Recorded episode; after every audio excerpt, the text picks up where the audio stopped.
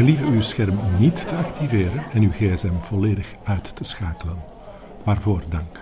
En, wat vond je Wat ervan? vond je ervan? Wat vond je ervan? Mooie beelden. Schitterend. Ik heb al betere stukken gezien. Zeg, die ene acteur. In slaap gevallen. Trok Trok echt op niks. Die Wat een. Wat prachtig. Wat was dat? Eh, Ik heb er kaakvoerster. mijn Wat was dat, twijfels over. Die was al sexy, hè.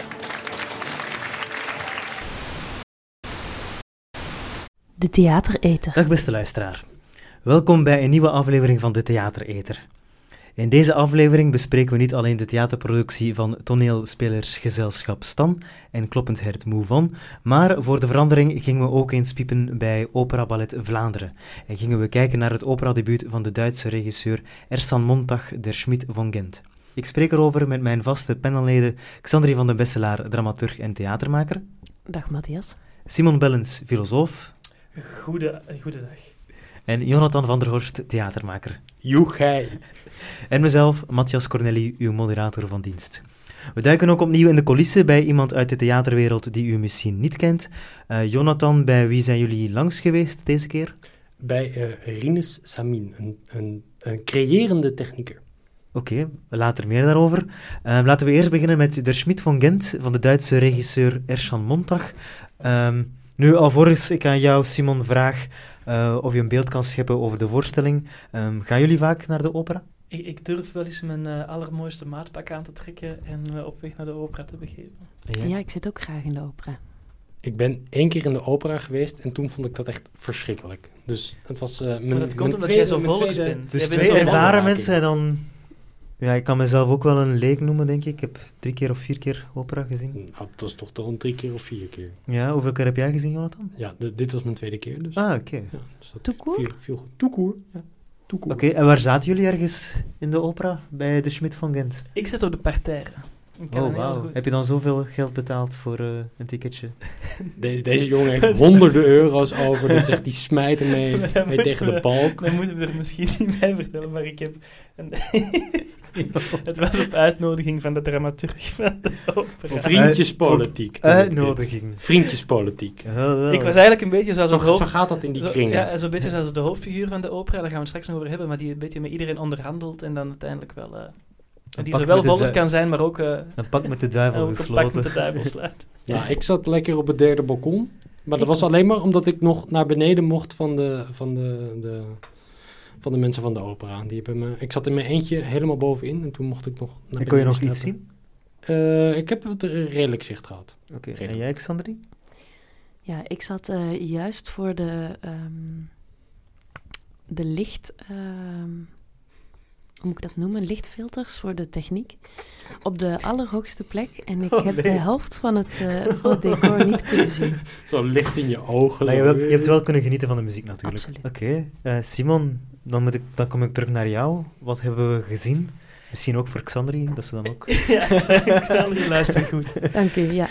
Eh, ja, de, de, er is een nieuwe artistiek directeur, Jan van den Ouwe. En die vond het hoog tijd eh, om in de opera, een oude opera van de Oostenrijkse componist Frans, Frans eh, Schreker uit 1932, van onder het stof te halen. Schreker, de zoon van een Jood, verdween als ontaarde kunst vanaf de jaren 30 in Nazi-Duitsland en ook nog na de Tweede Wereldoorlog eigenlijk uit het opera-repertoire. En het is pas de eerste keer dat zijn opera Der Schmied van Gent in België eh, wordt opgevoerd.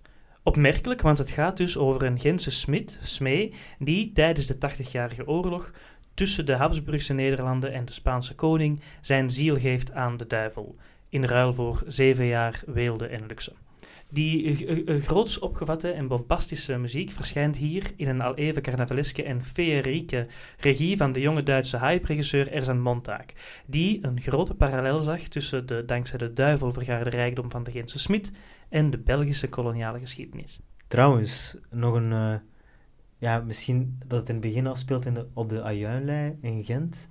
Ehm, de, alle bewoners van de Ajuinlei in Gent hebben een eh, uitnodiging in een bus gevonden ehm, voor de première van de Schmidt van Gent, om die gratis bij te wonen. Toch sympathiek van de, van, van de opera dat ze die mensen in ieder geval niet eh, honderden euro's moeten betalen of vriendjes moeten hebben om op de parterre te En mogen mochten die dan zitten. op de parterre zitten of moesten die ook op het hoogste bal? Daar heb ik dus geen idee van. Maar nog wat ik, wat ik nu verteld heb, dat heb je toch dat heb je wel meegekregen, toch? Ja, dus op een gegeven moment eh, verandert het decor. Ehm, ik moet al zeggen dat in het begin eh, heb je een soort ehm, peperkoekenhuisjes. Je ziet eh, een, een, eh, een feeriek eh, tafereel in Gent. Ehm, een deel wat voor mij wegviel was het hoofd van het monster. Ja. Ah ja. ja, dat moeten we Ja. misschien even beschrijven dan. Ja, Ja, want de- ik, ik, dacht- ik, ik vond het al heel indrukwekkend. Dus het eerste decor is een soort heel groot... Aan de, aan de ene kant is het een heel groot monster die een baby in de hand houdt. Aan de andere kant zijn het inderdaad allemaal... Ja, hoe zei het? Peperkoekenhuisjes. Ja, best wel een Mhm. goede omschrijving. En de- het draait rond. Hè, dus je ziet het vanuit verschillende eh, standpunten. En er loopt ook een hele eh, mooie gang onderdoor. Waardoor ook heel veel effecten... eh waar, waar ze heel goed mee kunnen spelen. Ja, Er is heel duidelijk een voorkant en een achterkant. En aan de voorkant is het gezellig en aan de achterkant is het duister en worden er baby's opgegeten. Ja, duivels. Ja. Maar het was wel, ik, ik vond het een heel indrukwekkend. Het was heel groots opgevat, Mm, heel ja, carnavalesk, heel eh, kleurrijk. Maar ik vond het wel, het, en ik vond het wel, wel impo- echt imposant. Ja, het is eh Ersan Montags eh operadebuut. Hebben jullie ook die stijl van Montag teruggezien in het operastuk? Hebben jullie al iets gezien van Ersan Montag? Ja, ik heb dat eerst één vragen. ding gezien, die vernichting. En Xandri heeft twee dingen gezien. ja, ik heb ook de vernichting gezien en de living. En het is wel die, die ehm, dat kleurrijke is denk ik wel iets wat je bij hem terugvindt, denk ik. Ja, ik denk ook wel dat zijn, zijn stijl van theater maken, voor zover ik daar natuurlijk iets van kan zeggen na twee voorstellingen, eh, eerder gericht is op het, op het visuele aspect. Eh, er zit ook, heb ik gelezen uiteraard, een diepgewortelde fascinatie voor horror in zijn werk, die ik er ook wel in kan lezen. Ehm, en zijn, zijn werk wordt ook, eh, houdt een beetje in het midden, wordt er gezegd, tussen theater, beeldende kunst en performance. En ook dat begrijp ik eigenlijk bij het zien van deze opera ook wel. En ook in zijn eerdere werk ehm, kan ik me daar wel in vinden. Ja, en ik, volgens mij zei de, de directeur van de opera er ook over van dat het eigenlijk gek was dat hij nog nooit een opera heeft gedaan. Hmm. En dat, dat snapte ik ook meteen. Dit is echt de ideale opera-regisseur, denk ik. Gewoon groot, groots uitpakken in, in, in decor en in beeld en in, in, in, in taal. Ook wel een thematiek uiteindelijk, maar daar moeten we het later nog maar over hebben. En En dat in omdat- combinatie met die muziek. Eh, nee, dat, is, dat is een vraag, want ik heb dus zelf nog nooit iets eerder van, van Erza Montag gezien. Maar ook omdat zijn, ehm, zijn, zijn acteurs, hoe dat hij die gebruikt, weinig... el- Ik heb de indruk dat die vaak weinig persoonlijkheid hebben of zo. Of dat die heel Hmm. vaak als, als, als attribuut in zijn stukken eh, Ja, meer het was in, in die vernichting was het zelfs zo dat de, de tekst helemaal losgetrokken was van het spel eigenlijk. Dus dat de, de, de bewegingen die de acteurs maakten, hadden eigenlijk helemaal niks te maken met de tekst die daar, die daar overheen lag. En dat is bij opera heb je dat... Ik, kan me voorstellen dat je eenzelfde soort van techniek op opera kan toepassen. Dus dat je de, de, de, het verhaal, dat je daar een heel andere beweging of heel andere mimiek onder kan steken. Dus ehm, ja, ik snap wel heel goed waarom dat ze hem voor deze klus gekozen hebben. En wat Mhm. ik ook fijn vind, is dat het zo... ehm, zijn manier van regisseren in, in zekere zin heel speels is. Waardoor het highbrow van de opera een beetje lijkt weg te vallen, vind ik. Ik vind het heel... Op een gekke manier echt heel toegankelijk werken. Ja, ik, daar moeten we misschien ook even op ingaan, want ik vond het heel grappig. Ik weet niet, hebben jullie, vonden Ja, jullie is het een ook beetje- grappig? Een beetje een platte, een platte voorstelling of zo. andere Ja. Het verhaal zelf ook. Ik vond ook, ik vond het echt een, een, een hilarisch en absurd verhaal. Kan je daar misschien meer over vertellen, Simon? Ja, dus die Smit die eh, geraakt aan Lagerwal. En op dat moment, eh, gelukkig voor hem, komt er een, een, een soort duivelsgezant langs. En hij weet eh, met, met, met die vrouw, het is een vrouw die het speelt, die zangeres, ik, ik ken Ja. haar naam niet, maar ze was Want wel hij wil zelfmoord plegen, toch? Hè? Ik geloof het wel. En dan, maar ze kunnen een, een deal sluiten. Eh, hij eh, verkoopt zijn ziel aan de duivel voor zeven jaar weelde. En dan daarna komen de magere jaren. Maar hij heeft het goed gezien. Eigenlijk per toeval weet hij een vermomde Jezus en Maria. Eh, Jozef, eh, Jozef, Jozef en Maria. En, eh, Jezus is er nog, nog ja, net niet bij. nee, Ja. weet, te helpen. En, en hij mag dus van Gods wegen drie wensen doen, die hij heel slim gebruikt om driemaal de duivel af te weren. Waardoor hij zijn zeven vette jaren eigenlijk tot, tot aan zijn dood kan beleven. op dat moment... op dat moment, ja, het wordt alleen maar absurder. Op dat moment mag die, mag die de hel niet binnen, want hij heeft de duivel voor schut gezet. Maar hij mag ook de hemel niet binnen en hij moet in een soort van vagevuur blijven afwachten. Vindt hij er niet beter op? Met een wafelijzer. Ja, Misschien. om daar een soort standje te hebben. en aan alle de passanten aan, eh, bij Sint-Pieter eh, zo, ja, een soort handeltje op te zetten. tot het echt te gortig wordt. En dan hebben ze een soort van zo, eh, dronkenmansgezangen. Tot het echt te gortig wordt. en dan gaat hij ook nog eens opnieuw eh, met Sint-Pieter uiteindelijk onderhandelen. Eh, dat hij toch wel, want hij heeft toch wel eh Jozef en Maria geholpen, dat hij toch wel de hemel binnen mag. En het lukt hem uiteindelijk. Dus waar het begint met een pact met de duivel, eindigt het ook met een heel cynisch pact met, eh, met de Ik Sint-Pieter. vind deze samenvatting Ja. nog bijna hilarisch dan de voorstelling. Ja, maar als je het wel bijna elkaar volledig verteld. Ja. Nu heb je het wel allemaal gespoild voor de mensen die nog Ja, maar dat is bij opera altijd zo. Hè. Dat, Ja, die je verhalen kan, je kan het libretto al van tevoren lezen ja. eigenlijk, als je wil. Maar ik, vond, ik, vond, ik vind het echt, want het, is, allee, het was een onbekende opera, voor mij ook. Ik vind het hilarisch. Ik vind het echt heel grappig en heerlijk absurd. Mhm.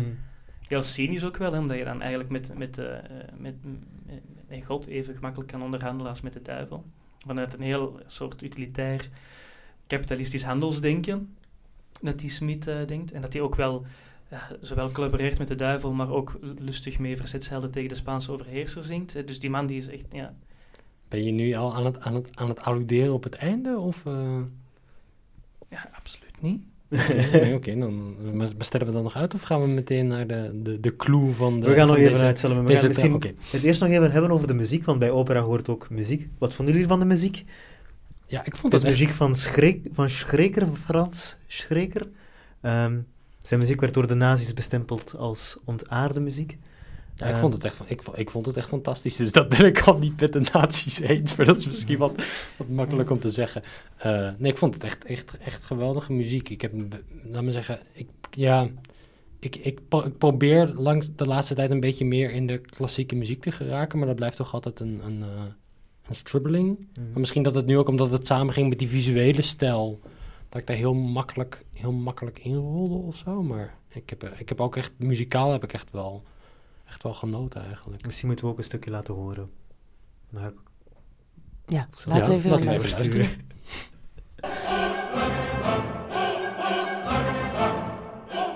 Ik vond het ook heel erg indrukwekkend gezongen trouwens. Ik heb trouwens de naam gevonden eh, van eh, de, de Astarte, de duivelin of de duivelsvrouw, Hmm. Vuvu Mpofu.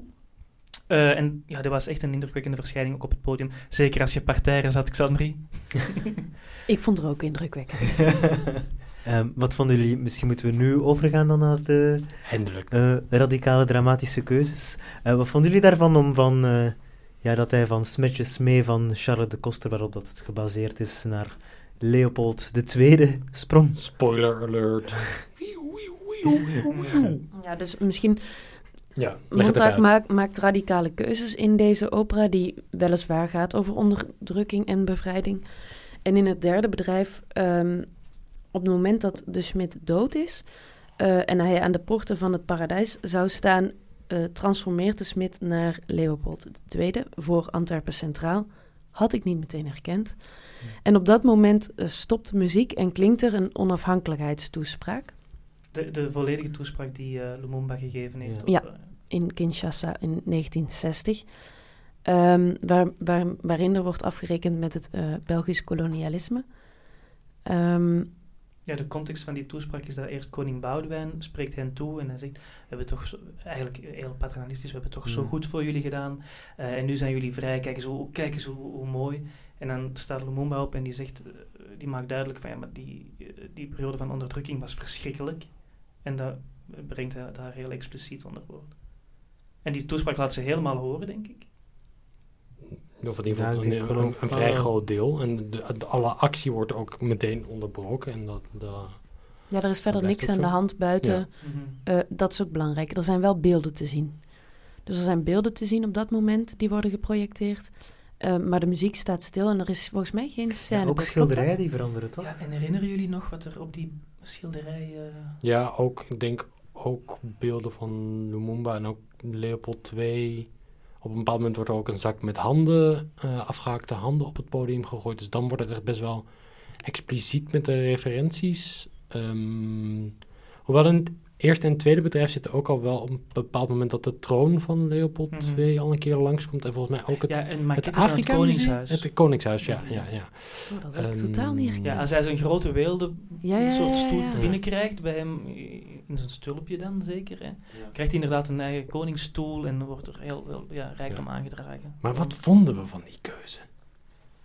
Ja, de, de, de reden die hij er zelf voor gegeven heeft, had ik gelezen, was ehm, dat dus eh Smee, hè, de smid, sluit een pact met de duivel, maar wil, hè, van, hij verkoopt zijn ziel aan de duivel, maar hij wil daarvoor de gevolgen niet dragen. En hij zag daar een analogie in met eh, Leopold II of België, want het is dan wel allemaal op, elkaar gegooid, eh, die een pact met de duivel sluit, Congo onderdrukt en als kolonie uitbuit, en daar vervolgens later geen verantwoording voor wil afleggen of, of geen verantwoordelijkheid voor wil dragen. Ja, en het is natuurlijk ook zo dat België een tijd onderdrukt is geweest. En pak een ruim 400 jaar later zelf onderdrukt. Dus er zijn natuurlijk in zekere zin wel parallellen tussen de opera en het koloniale ja, je zou verleden. kunnen zeggen, het is een soort omkering van, van ja, Vlaanderen of België als een onderdrukt land naar iemand die daar zelf plots in de positie komt van onderdrukker. Dat is wel iets, dat vind ik wel heel erg rationeel, rationaliseren achteraf. Mm. Ik weet niet of dat die laag zo... eh, die kwam voor mij toch niet expliciet naar voren in de, in de voorstelling zelf. Ja, wa- waar, waar ik de, de, de analogie het, het best of het interessantst vond, was eigenlijk met die, die, eh, die eh, Jozef en Maria. Want ehm, die, eh, die zorgen er uiteindelijk voor dat, dat, dat eh Schmee in de, eh, de, de hemel terechtkomt. Uiteindelijk, uiteindelijk aan, de, aan de goede kant van de geschiedenis zo gerecht, terechtkomt. En ik vond die analogie wel mooi in hoe dat ook eh, Leopold II in België het, daar, daaronder de, de, het katholicisme hebben gebruikt om eh, die kolonisering goed te praten. En om die daden die ze daar verricht hebben eigenlijk goed te praten. En er zit dan een soort van, ook als, ze dan, als hij dan de, de wensen van, ehm, die hij krijgt van die Jozef en Maria gebruikt om de duivel onder de deurmat te steken. Dus om eigenlijk alles, al het slechte wat hij aan het doen is onder de deurmat te steken. Ik vond daar een heel sterke analogie eh, naar die tak, naar, naar die tak ook in zitten. Ehm, Oh, wauw, zover had ik Het was ook helemaal niet nagedacht. grappiger dat dan, eh, als Smit dan toch, eh, Smee dan toch in de hemel mag, dat het dan Leopold II is die er wel netjes heeft onderhandeld om, Ja. om de hemel toch nog binnen te doen. Ja, maar ik vond, ehm, ik moet wel eerlijk zeggen, als ik achteraf, eh, bijvoorbeeld, bijvoorbeeld als ik me nu terug herinner hoe ik het gezien heb, eh, die hele koloniale verbinding is echt het laatste wat mij bijblijft van de hele voorstelling. Ik weet niet of dat bij jullie ook zo is, maar het is, het is bij mij echt ja, ik, ik, ik, herinner het mij nauwelijks nog. Het is zo ondergesneeuwd door het bombastische van de muziek, door de kleurrijke eh, en de decors en de kostuums van het eerste deel. Nee, ik heb dat wel heel erg... ont- Maar ook omdat je echt een soort van, soort van iets door die zaal voelde gaan op dat Ja. moment. Ja, Ik denk dat ik de ook- open, ik had echt heel erg het gevoel dat dat opera-publiek daar echt zo... Oeh, wat gebeurt er nu? Ja. Wat, wat, wat, wat is er hier aan de hand? Dat was echt een soort Helemaal van... niet eigenlijk. En het heeft ook zijn weerslag op, die, op de opera zelf, vond ik. Dus door de muziek helemaal stil te leggen en, en, en geluidsfragmenten te laten horen, wat gewoon documentair is. Ehm, Denk je dat mensen die vaak naar, het op- naar de opera gaan dit totaal niet verwachten? Ik denk wel dat het een niet heel gebruikelijke theatrale code... Ik denk dat dit in het Ja. theater veel gebruikelijker Mhm. is. Dus denk daarom dat dat, het ook logisch is dat hij als theaterregisseur dit doet of dit kan doen of zo. het is Denk- gewoon ja. echt een radicale ingreep. En ik Mhm. vind ook dat je dat eigenlijk wel merkte in de opera zelf. Dat, dat er... Het is eigenlijk een vervreemdingseffect à la Brecht of zo. Dus Ja, ik, ik merkte ja. wel dat, dat, ik, dat ik actief werd. En het is misschien ook daarom dat, dat het me dan toch is bijgebleven. Hoewel ik het met je eens ben dat de, het, de bombast, het bombastische en, en, en, en het theatrale en het kleurrijke en het suikerspingehalte eh, enorm indrukwekkend is. Maar juist het contrast van eh, dat materiaal ehm, heeft me ook doen fronsen. Heeft me echt doen nadenken ook op het moment zelf. Ja, want het, is, het, het, het werkt als een moment van vervreemding, maar zorgt het ook voor inhoudelijke rijkdom? Of maakt het het, het stuk rijk? Ik, ik, ik, vond, het, wel- toch...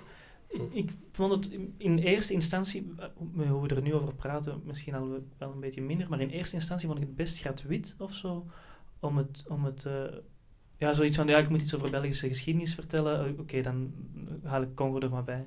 Maar, En ja. wat dan juist de link was met het stuk, het vloekte voor mij dan ook een klein beetje, omdat het dus gaat over de 80-jarige oorlog en omdat dan eigenlijk eh, in de 80-jarige oorlog Antwerpen valt. Het is hier een plek van, van godsdienstoorlogen, van, van, van, van bloed en ontbering. Hè. Dat is, Wat in het koloniale verleden natuurlijk totaal niet aan de hand is geweest. ja, maar het is dan, ik vind het dan, het is wel heel, het gaat dan wel heel snel. Het is dan wel, ik vind het dan wel redelijk vrij, vrij, vrijblijvend om te zeggen, ah maar kijk eens, nu Het zijn is- de rollen helemaal omgedraaid. Dan wil ik wel iets meer weten. Dan vind ik niet dat je dat er zomaar, of, of wel van nee.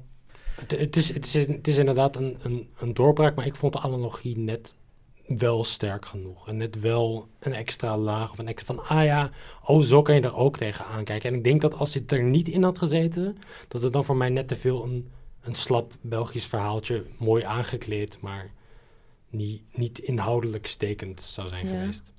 Ik, ik, denk, ik denk ook dat ik blij ben dat het erin zat.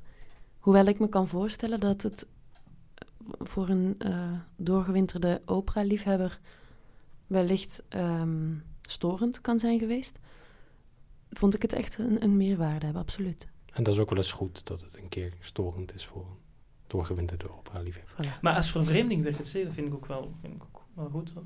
Maar ik denk misschien, want als het dan er net, en wa- om, om terug te komen op wat jij er net zei, het onderhandelen met eh, een soort met God of met, met, met de katholieke kerk om eh, die dingen onder de mat te vegen en, en een soort, soort eh, een pact sluiten met de duivel en met Sint-Pieter. eh, dat is veel meer wat er in de voorstelling zelf zit. En ik denk dat, ah, ja, dat als, je, als je het dan echt politiek wilt maken, dan zou ik die laag misschien nog iets meer, eh, iets meer explicieter of zo naar boven proberen brengen. Misschien moeten we de luisteraars zelf laten beslissen. Misschien moeten ze zelf ook eens naar de opera gaan. Eh, naar de Schmidt van Gin bijvoorbeeld. Wanneer kunnen ze de opera nog zien? Ja, maar dan hebben ze een beetje pech, want de, de Spits van Gent speelde tot 1 maart in de opera van Antwerpen en Gent. Dus het is wachten op een nieuwe herneming, maar zoals dat met de opera's wel eens gaat, hè, misschien is dit nu terug deel van het opera-repertoire en, en, en, en zijn er nog andere regisseurs en andere operahuizen die zich aan de opera van Schreker willen wagen. Oké, Laat ons duimen. we zullen het zien in de toekomst. Ehm, ja, dag Jonathan. Normaal gezien zeg ik, zeg ik dag Xandri, maar ehm, Ja, jij bent ik. deze keer op stap gegaan met Xandri. Ik was Ehm, erbij, ik was erbij. Je was er wel bij. Gezellig samen. Waar zijn jullie geweest? En we zijn naar Wetteren geweest, naar het CC daar. Ehm, en daar was eh Rinus Samin aan het werk. Die is begonnen als circusartiest, maar de laatste jaren ook meer het techniekvak ingerold. En eh, die werkt ook vaak op een creërende manier mee aan voorstellingen. Dus een creërende technieker. En we zijn hem gaan vragen hoe dat hij dat doet. En eh, hij, ja, hij was aan het opbouwen. Ja, en hij houdt van toeren, weten we ondertussen. Ja, hij was eh, overal en nergens. Dus we konden hem overal en nergens treffen. Voilà. Oké. Laten we gaan luisteren. hey, pst, nee, hier, pst, in de coulissen. Jonathan, jij bent voor het eerst met mij mee. Ja, eh, spannend, Xandri. Waar, waar, waar, waar zijn we vandaag? We zijn in Wetteren en het, eh, nou ja, het regent. Eh, wie gaan we bezoeken? We gaan eh, op bezoek bij eh Rinus Samin. Eh Rinus Samin, dat is een circusartiest en technieker. En die is momenteel de voorstelling De Red Haired Man van Alexander van Turnhout aan het opbouwen in het CC hier. Dus laten we gaan kijken. Ik ben benieuwd. Oké, we zijn nu in CC Nova.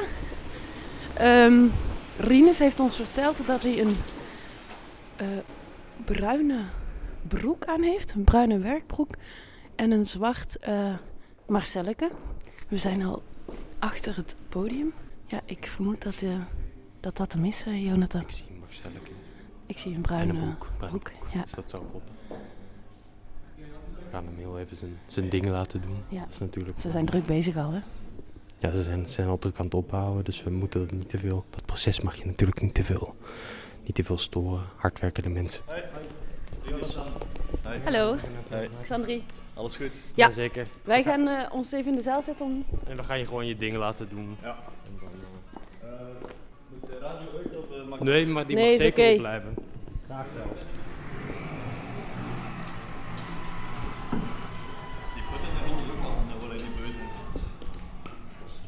Ik ben Rinus. Ik eh, ben nu actief als technieker, toerentechnieker, chef techniek van drie gezelschappen, voornamelijk circusgezelschappen. Eh, en dat is eigenlijk begonnen ik ben eigenlijk begonnen als circusartiest. En dan heb ik festivals beginnen organiseren, achter de schermen werken. En toen is het circuswereldje wat uh, geboomd. Dan is, er wat, is dat professioneler geworden. En dan hebben al mijn vrienden, die artiest waren, maar zo straattheater deden, mij meegepakt op tournee. Omdat ze iemand nodig hadden die verstand hadden van licht en geluid. Maar weinig geld. En ik was de enige die ze kende. Dus nu ben ik al tien jaar bezig dit vak te leren. Maar ik heb geen opleiding in, in, in licht en geluid. Ik heb het allemaal onderweg geleerd. Hoe ben je begonnen met techniek? Laat me zeggen, er moet op een bepaald punt zijn dat je voor het eerst achter die knoppen bent gekropen of zo. Waar, wanneer was dat dan? Oh, de, de eerste keer dat ik een knop aan raakte, ja, dat, uh, we hadden een circusfestival in Yper, in de Lakenhal. En daar, daar was de technieker niet zo handig met de cues dan de artiesten zeiden. En dan heb ik dat overgenomen om op het juiste moment het juiste nummer af te spelen. En zo ben ik dat blijven doen, omdat ik, ik snapte wel wat de artiesten wilden en wanneer het moest komen. Die, ja, die eh, hoe, hoe zeg je dat, die, dat, dat denkpatroon snap ik. Ik snap cues, ik snap theatraal, de theatrale code snap ik wel, van licht en geluid. Uiteindelijk komt het er altijd op neer, als technieker ben je meer problemen aan het oplossen dan wat anders. Je, krijgt, je hebt een ideaal plan en dan kom je ergens toe waar het niet ideaal is. En dan moet je het zo goed mogelijk laten lijken, zodat de artiesten hun voorstelling kunnen brengen zoals het bedoeld is. En in het begin vond ik het heel vervelend en werd ik qua kwaad als de technisch fiche niet op voorhand had gelezen of dat er iets niet voorzien was. Maar ja, nu heb ik geleerd dat sommige dingen kun je niet uh, veranderen, moet er gewoon mee leren werken. En dan je ziet de situatie als je toekomt en dan maak je het beste van. En het heeft geen nut om je boos te maken of achteraf een klacht op te sturen. Dus dat lost eigenlijk niks op. Het is ook niet de bedoeling uh, dat ik die techniekers ter plekke uh, het harnas injaag. Want dat, dat zijn mijn collega's op dat moment. Ik kom met een show toe, maar ik heb hen wel nodig om mijn, mijn show op te bouwen en te richten en uh, klaar te maken. Dus ik probeer daar wel mee overeen te komen, samen naar een oplossing te zoeken. De keren dat ik echt, echt niet tevreden was, die zijn maar op één hand te tellen. Waar ik twijfelde om een klacht te sturen, maar dat heb ik nooit gedaan. Um, ik, um, ik, heb, ik heb wat technieken en trucken zelf om zo overeen te komen met techniekers. Ik heb standaard anekdotes en, en grappen en opmerkingen dat ik uh, gebruik om de sfeer erin te houden. Want soms heb je ook gewoon stille techniekers. Uh, dat is een soort van klein stand-up setje, bijna een comedy setje dat ik heb in mijn hoofd doorheen de jaren. Want iedere dag zie ik toch nieuwe techniekers en kan ik toch altijd dezelfde grappen gebruiken of dezelfde opmerkingen. Uh, als ik zie dat ze redelijk bazig zijn, of omdat ze meer kennen van techniek, wat dat, dat, vaak het geval is, ik geef dat eerlijk toe dan ga ik mij ook onderdaniger zetten en vragen stellen over techniek. En dan, als ze dan hun kennis kunnen meedelen, uh, dan voelen ze zich ook iets beter. En dan, dan, dan heb ik toegegeven dat ik, dat ik er minder van ken en dan komen we beter overeen. Ja, dat zijn wel van die bepaalde trucjes ondertussen dat ik wel toepas. Ja, techniekers. Ja, ja techniekers, dat is, het zijn wel, het zijn, ja, we zijn appartementen. Het is wel, je hebt, je hebt ambtenaartypes die 9 to 5 doen en zo weinig mogelijk doen. Dan heb je techneuten die heel begaan zijn met techniek en zo de nieuwste snufjes kennen en u fantastisch veel meegeven zelf. Um, ja, je hebt, zo, je hebt van soorten. Welke soort ben jij? ik ben, dat hebben, ze, dat hebben ze mij moeten vertellen, ik ben meer een delegerend uh, persoon. Waar ik uh, mijn overzicht bewaar, aanstuur en dan zelf af en toe bijspring waar het nodig is. Ik ben eigenlijk een delegerende, toerende technieker. Ik kan zo genieten van weg zijn, onderweg zijn, even hard als terug thuiskomen. En hoe ziet een gemiddelde dag op zo'n tour er dan uit? Of hoe? Als in, je staat ochtends op en wat, wat is het eerste wat je doet? Uh, ja, uh, opstaan. Hè. Uh, op tijd opstaan. normaal start ik om 9 uur s ochtends in het theater. Dus dan moet je rekenen hoe, laat, hoe vroeg je moet opstaan en rijden. Files mee rekenen, 9 uur beginnen. Tot de middag werken. En dan tot aan, tot aan, op, tot aan aanvang werken. Dan heb je rustpunt is de show zelf. Dan is het gewoon cues aflopen, knopjes tikken uh, en dan is het weer afbreken, uh, inladen en dan ofwel terug naar huis ofwel naar de volgende plek. Um, dus ik ben van 9 uur s ochtends tot 11 uur s avonds bezig. En dan heb je een middagpauze en een avondpauze. Dat zijn wel extreem lange, lange werkdagen eigenlijk. Hoe ga je daarmee om? Hoe bouw je rust voor jezelf in? Nee, voorlopig niet. Ik ben, de, ik ben de laatste twee jaar iets te veel aan het werken en ik, ik, ik eh, als ik, uh, ik voel dat ik naar een burn-out aan het werken ben. Ik moet er wel op mee opletten. Ik heb ook gezien dit jaar dat ik geen vakantie kan nemen, de ronding tournees. Maar dan, is het, dan ligt het ook aan mij om, om zelf een stop in te roepen. Ik, ben nu, ik heb nu een, vast contract en nu moet ik mijn uren bijhouden. En sinds dat ik ze bijhoud, merk ik hoeveel ik werk. En sinds dat ik ze bijhoud, word ik iets moeer van gewoon te zien hoeveel ik werk. Maar ik geniet er eigenlijk wel van. Ik, ik haal er wel bepaalde energie uit om te blijven reizen en, en, en te toeren en nieuwe dingen te zien. En we hadden het net al over eh, circus. En over. ehm, we, hadden het in de, we hebben het er in de trein even over gehad. Het, het beeld is toch een, eh, een piste en eh, zaagsel op de grond. Eh, in hoeverre klopt dat beeld nog vandaag de dag? Eh, dat, eh, circus is al heel lang mijn leven. Ik denk dat ik ermee in contact kwam in 1995, het humorologieconcours. Eh en iedere dag moet ik dat, eh, dat beeld ontkrachten. Eh, dus is veel meer dan dat. Het is zoiets schoons, maar toch blijven de mensen daarop hameren. Oftewel spreken ze over Cirque Soleil, oftewel spreken ze over traditioneel circus met het zaagsel. Ehm, ondertussen is, is dat uitgegroeid tot een, een heel schoon ja, podiumdiscipline. Waar, eh, het is een combinatie van sport eh, en, en kunst. Het het is, je moet trainen om iets moois te maken. Met Grenzenwal is de- doen we een, ehm, dat is een familievoorstelling. En dan komen altijd eh, kinderen en ouders mee. Ehm, en dan is het, die kinderlijke verwondering is heel mooi. Als ze dan opeens een salto doen op scène, wat voor een mens zo standaard is geworden om te zien, dat die kinderen gewoon schrikken en verwonderd zijn dat dat gebeurt. Dan, dat die ouders ook bedenken van ja, een salto, dat is inderdaad gewoon indrukwekkend. Dat iemand jaren op zijn, op zijn voeding let, op zijn, op zijn spierenmassa traint om die truc te kunnen uitvoeren, om dat, om dat hier voor ons te kunnen brengen. Dat is, salto is gewoon eigenlijk spectaculair. En dan is dat leuk dat dat kind dat eigenlijk weer zegt tegen die ouders door te reageren met open mond. Ehm, ik, denk dat dat een van de mooiste dingen is in, in, in circus, is die, die kinderlijke veranderlijkheid terug naar boven brengen voor volwassenen. Die, die, die grijze muizen dat we zijn geworden, die, dat we, om, het is niet omdat we het al een keer gezien hebben dat dat niet meer spectaculair is. Of het is niet omdat je ooit al een keer op internet iets spectaculairs hebt gezien, dat je niet meer onder de indruk mocht zijn van iets dat nu hier voor je neus gebeurt. Circus is ook poëzie. Het is, is een, is de definitie van circus is nog altijd niet gevonden, maar het is een, een veelzijdigheid aan, aan, aan bewegingen, aan lichamen, aan, aan, aan, aan krachtmetingen en aan het onmogelijke mogelijke laten lijken of het, het iets onmenselijks tonen wat je niet dacht dat een mens toe in staat was om te bedenken en uit te voeren. En dan nog een keer op zijn onder druk op een meter van u, terwijl hij ze hoort en ruikt. Bij eh, andere, nu is het Alexander van Toernout, hebben we is dat eigenlijk heel stil. Omdat, eh, de voorstelling, tijdens de voorstelling is het heel stil. ehm, en naar het einde toe hebben we een heel mooie scène waar er reacties op komt. En na de voorstelling heb je uit- uiteindelijk altijd het, het applaus. Dat waar heel duidelijk was hoe ze de voorstelling vonden. Dat is typisch eh, in België eigenlijk, het gereserveerd, eh, gereserveerd publiek dat we hebben. Ehm, maar dat is ook een voorstelling die doen research op bewegingen. En dan moet je ook visueel even gewoon binnennemen en dan over nadenken. Ehm, Ik vroeg me nog af, hoe belangrijk is dat moment voor jou dat de spelers eh, teken aan de techniek geven? Dus in de, in de voorstelling geven de spelers altijd als ze applaus, als ze komen buigen, wijzen ze ook altijd even naar de, naar de techniek. Hoe belangrijk is dat moment voor jou? Eigenlijk als teken van dankbaarheid toch? Ja, om te tonen dat ik erbij ben, dat, ik niet, dat er iemand, dat ze niet alleen op zijn staan. Dus, dus ja, zon- zonder geluid was, er, was, de, was de muziek, eh, was de show er niet, zonder licht stond ze in het donker. Ik vind het heel, heel belangrijk en heel dankbaar dat ze dat doen. Ik neem dan wel even mijn momentje. Ik, eh, ik, ik, ik, ik, ik doe dan wel een gebaar eh, naar de artiesten dat we, dat we het samen hebben gerealiseerd. Eh, ja, ik vind het wel belangrijk. Ik vind het jammer dat als ik niet word vermeld in credits, terwijl de andere mensen dan wel worden vermeld.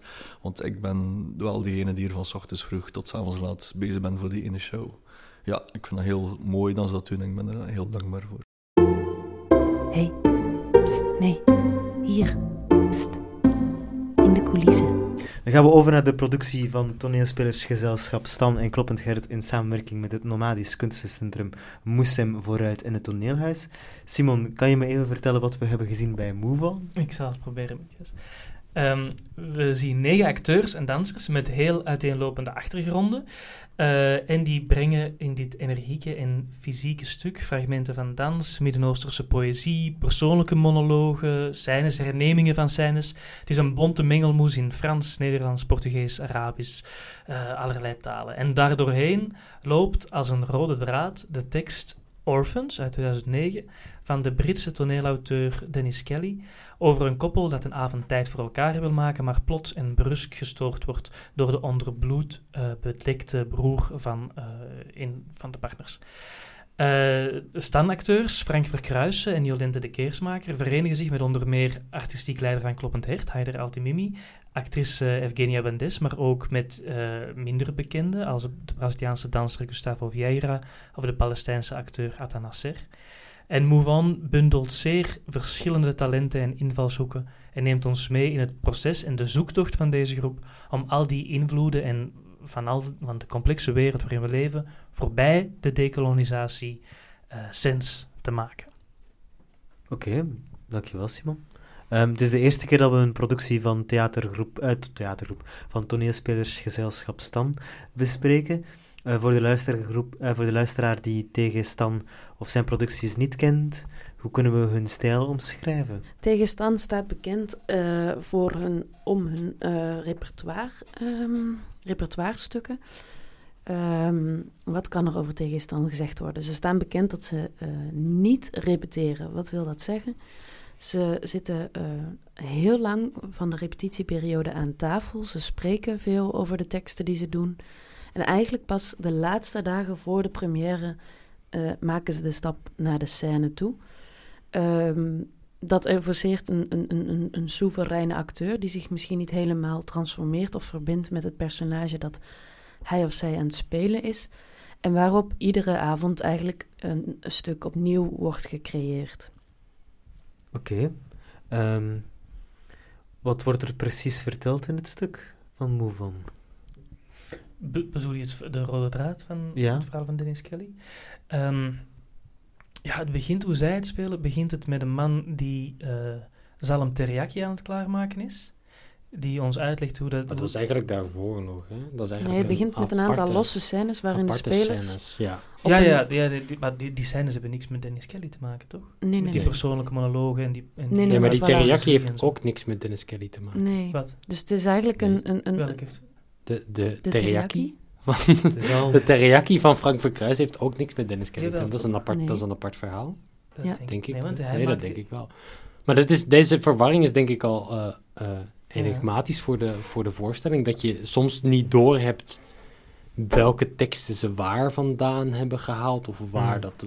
Ja, ze, ze, ze, ze spelen dingen, maar op een heel gelijkmatig niveau. Waardoor dat, dat verschillende teksten uit verschillende bronnen naast elkaar komen te staan. En zo een, een dramaturgisch aaneenreigende parelketting eh, vormen. Ja, maar zijn- ik denk dat, dat om, je vraag een beetje te beantwoorden waar dat, waar dat het over gaat, is denk ik ehm, samenleven, denk ik. Hoe dat je, hoe dat je, hoe dat je als groep je tegenover elkaar verhoudt en welke spanningen dat daar binnen kunnen ontstaan en uh, daarbinnen denk ik dat ook heel erg de, de, de, de integratieproblematiek en de, Mhm. de, de decolonisatieproblematiek speelt. Ze staan natuurlijk met een heel diverse groep, verschillende talen, verschillende achtergronden. eh, Verschillende vers- spelers Verschillende en spelers, verschillende, performers ja, verschillende speelstijlen naast elkaar. Disciplines hoe- zelfs. Disciplines, hoe kan je die naast elkaar laten bestaan en hoe kan je die met elkaar in verbinding? En ook het, wat, wat, verbinding wat- vonden jullie dan van die uitwerking daarvan? Vonden jullie dat... Want diversiteit op het podium is mooi natuurlijk, maar... Maar ik vraag me Van- af of dat is... Ik denk niet dat dat is waar het over gaat. Ik denk dat dat gewoon is wat ze doen. En ook wel een betrachting, heb ik het gevoel. Dus je hebt, je hebt in die voorstelling, of dat wordt er natuurlijk ook in de pers eh, vermeld, dat het echt wel een, een afspiegeling probeert te zijn van, van een, een, een vrij brede, eh, eh, diverse groep mensen die daar binnen hun, eh, eh, eh, hun weg proberen te zoeken. En ik denk ook dat het, dat het in zekere zin ook een, een, een, een, een herinnering is of zo aan, aan de theaterwereld of aan de kunstwereld. Hoe divers de realiteit van vandaag de dag ook is. ja, maar ik vind dat dat echt vele malen overstijgt. in- ik, vind dat het, ik vind dat het vele malen overstijgt het gewone verhaal van wij brengen hier een Mhm. diverse samenleving of wij gaan het eens Mhm. hebben over diversiteit Ja, en nee, het over is- het is- racisme.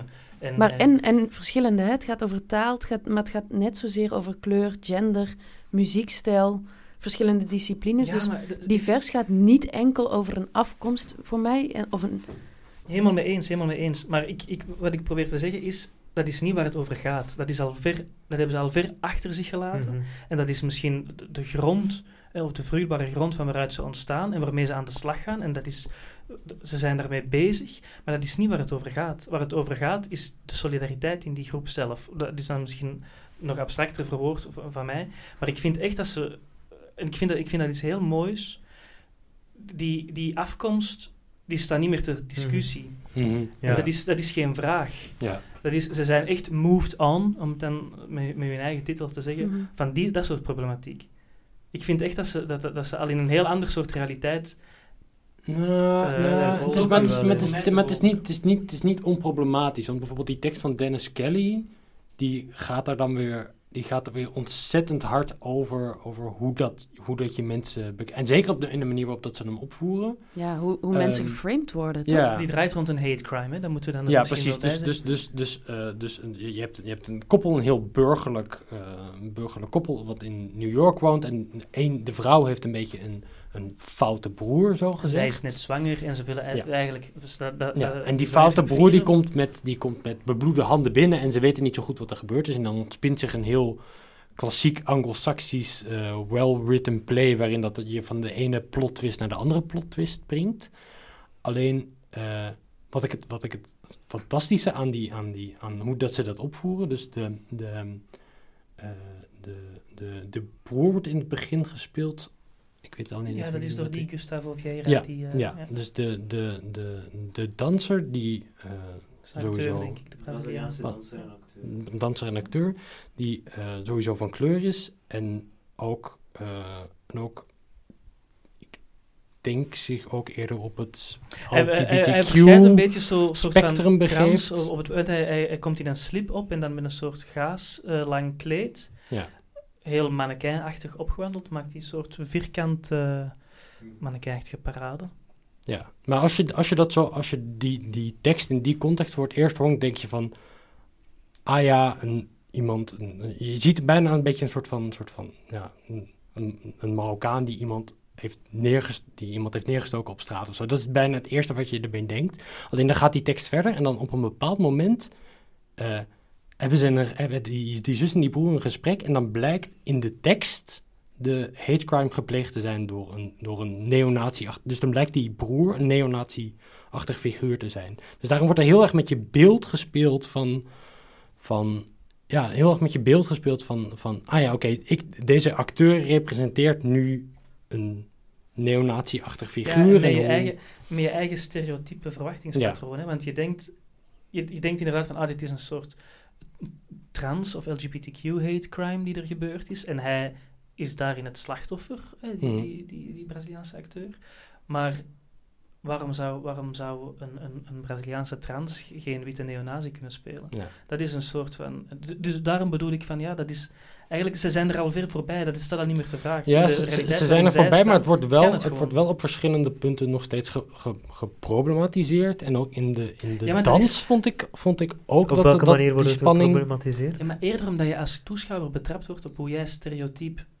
Ja. Op jouw Ah, ja. stereotype verwachtingspatroon. die. Het wordt- omwille van wat er daar op de Nee, het wordt inderdaad bij, bij, bij, de, toes, bij de toeschouwer. wordt Maar het gaat er natuurlijk, ik bedoel, het feit dat dat een hate crime is, Mhm.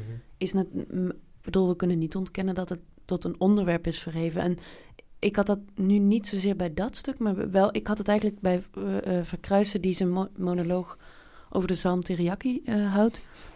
En dat hij, ehm, hij vertelt eigenlijk hoe poepsimpel het is Mhm. om dat klaar te maken. En dat hij het serveert met een zekere panache en, en, culinair snobisme wordt gehekeld. Maar op een bepaalde manier, eh, op een bepaald moment vroeg ik mij ook af... gaat dit ook over een appropriatie van bijvoorbeeld eh, een hele culinaire keuken of een hele... Een, Dat denk ik er zijn een aantal dingen. Eh, hij haalt de saus gewoon in een potje in de supermarkt. Maar met genoeg panache kun je... snapte? Ik bedoel, kun je, het, kun je het verkopen alsof jij de Aziatische keuken ehm, beheerst? Niet waar. Hmm. Dus eh, ik vind dat het, onderwerp toch wel zeker een aantal keer terugkeert en tot, tot onderwerp verheven wordt of zo. Ik, ik, voor mij voelt het wel als een, als een voorstelling die daar absoluut wel ook over gaat. Omdat Ja. je een, een, heel deel van de voorstelling ook niet in de taal speelt waar, in, in het, van het land waar je in eh, speelt, bijvoorbeeld. Ja, maar, je Ehm. moet, er- maar je moet er inderdaad als publiek, er zijn de hele tijd verwijzingen naar of aanwijzingen naar, maar je moet er als publiek wel echt actief, ook actief naar op zoek gaan. Of soms komt het ineens tot je en op andere momenten dan ben je er iets minder mee bezig en dan haakt het toch weer ineens in je. Dus het is wel constant aanwezig en ook en hoe dat, ze- ja, ja, ik vond dat wel een heel spannende manier om daar mee om, en aan, en mee om en aan voorbij te gaan. Dat was voor mij trouwens wel de scène die me achteraf het meeste bijbleef. Die eh Zalm Teriyaki scène. Nou, Oh, voor nee, mij was het niet. het stuk zelf. Ja, voor mij was dat het stuk van Dennis Kelly. Ja, ook. bij ook. Absoluut. Ja, ik ging net vragen wat bleef bij jullie het meest hangen. Wat zijn de momenten die nog niet op jullie netvlies branden? En als het dan om het stuk van Dennis Kelly gaat, is het... Hadden jullie verder willen, meer willen zien van het stuk? Want ze, ze breken het stuk van Dennis Kelly heel abrupt af. Het oorspronkelijke stuk van Dennis Kelly gaat eigenlijk nog veel verder en wordt nog gruwelijker. Mhm. Zij breken het redelijk snel af. Maar dat wordt wel verteld nog toch daarna. Er zit daarna nog een scène dat een van de acteurs ook vertelt dat ze dat, dat lijk dan uiteindelijk vinden in een hutje. Dus het, het, het gruwelijke komt er uiteindelijk Mm. wel. Dat vond ik ook wel goed aan de dramaturgie. Het begint, in het begin heb je een aantal heel lichte dingen en dan krijg je dat ding van Dennis Kenny en dan ga je daarna naar een soort van donkerte, een hol en dan wordt de, de, de muziek wordt dan ook grimmiger en de dans wordt dan ook grimmiger en dan op het einde kom je weer ergens kom je weer ergens. Op het was er een hele mooie scène dat er één danser wordt opgeheven. En ze- die, lijk, die lijken zo over een muur die er achteraan staat over te tillen. En dan valt hij, net als hij er bovenaan raakt, valt hij naar beneden en, en nemen ze hem terug mee. Jullie kijken me mij aan dat kan alsof ik me niet eens herinneren. Ja, maar we hebben ook, we hebben ook een andere versie gezien natuurlijk. Ja, dat zou, het zou kunnen dat ze iets anders hebben gedaan. Ik moet wel zeggen, het is een heel eh, lange voorstelling, twee uur. Dat is wel, dat is echt lang. En ik moet zeggen, ik, heb, ik en Matthias waren er op de première. En dat het toen spelmatig nog niet allemaal even goed viel. Dus ik ben eigenlijk, zou ik hem graag nog een keer willen zien. En zien of dat het dan... Ja, bij twee uur heb je gewoon wel een bepaald tempo nodig, denk ik. Dat de dingen ook een beetje doorgaan. En nu is het net iets te... Rekt het allemaal net iets te, te lang door. Dus ik ben heel benieuwd hoe dat ze dat eh, in latere speeldata nog... ehm, Gaan we samen, Jonathan? ja, Samen gezellig. Lijkt me hartstikke leuk. Andere mensen nog eh, op- en aanmerkingen? Voor mij ehm, heeft de voorstelling, mij heeft de voorstelling niet helemaal overtuigd. Voor mij, ik, ik vond het eh, een, een, een, een te grote mengel van, of eh, mengeling van eh, een soort ongelijksoortig materiaal of zo. En ik, ik, ik had nood toch aan, aan, een, aan scherpere keuzes. Ik heb, eh, hoewel super belanghebbend v- vanwege de ambitie of, of, of een nobel streven wat er in de voorstelling zit en, en, en ook wel is gelukt, denk ik, is het bij mij toch te zeer tot een concept gebleven en, en heeft het materiaal me niet op alle momenten echt weten toe te spreken. Wanneer kunnen onze luisteraars deze voorstelling nog zien? Move On loopt nog tot 9 mei in onder andere het Toneelhuis en de Monty in Antwerpen. Oké, dan wil ik graag nog mijn panelleden bedanken en de mensen zonder wie deze podcast niet tot stand had kunnen komen. Bedankt Simon, Graag gedaan. bedankt Xandri, Jij ook bedankt. bedankt Jonathan. Yes, yes, yes. En natuurlijk ook bedankt aan Tegenstan, de single, de zendelingen en Filip Tielens. Volg de zendelingen op alle sociale mediakanalen. Je kan deze podcast terugvinden in je favoriete podcast-app, Spotify, Soundcloud, TuneIn, Stitcher en Castbox, of via de website van de zendelingen. En als je de podcast leuk vindt, vergeet dan ook niet om te liken en te abonneren, want dan kunnen de mensen die ons nog niet gevonden hebben ons makkelijker terugvinden. Graag tot de volgende keer. En, wat vond je ervan? je ervan? Wat vond je ervan? Mooie beelden. Schitterend. Ik heb al betere stukken gezien. Zeg, die ene acteur, Slaapgevallen. die was zo sexy, hè? Die Wat een rotvorst. Oh, wat prachtig. Wat was dat? En Ik heb er was dat? twijfels over. Trok echt op niks. De theatereter.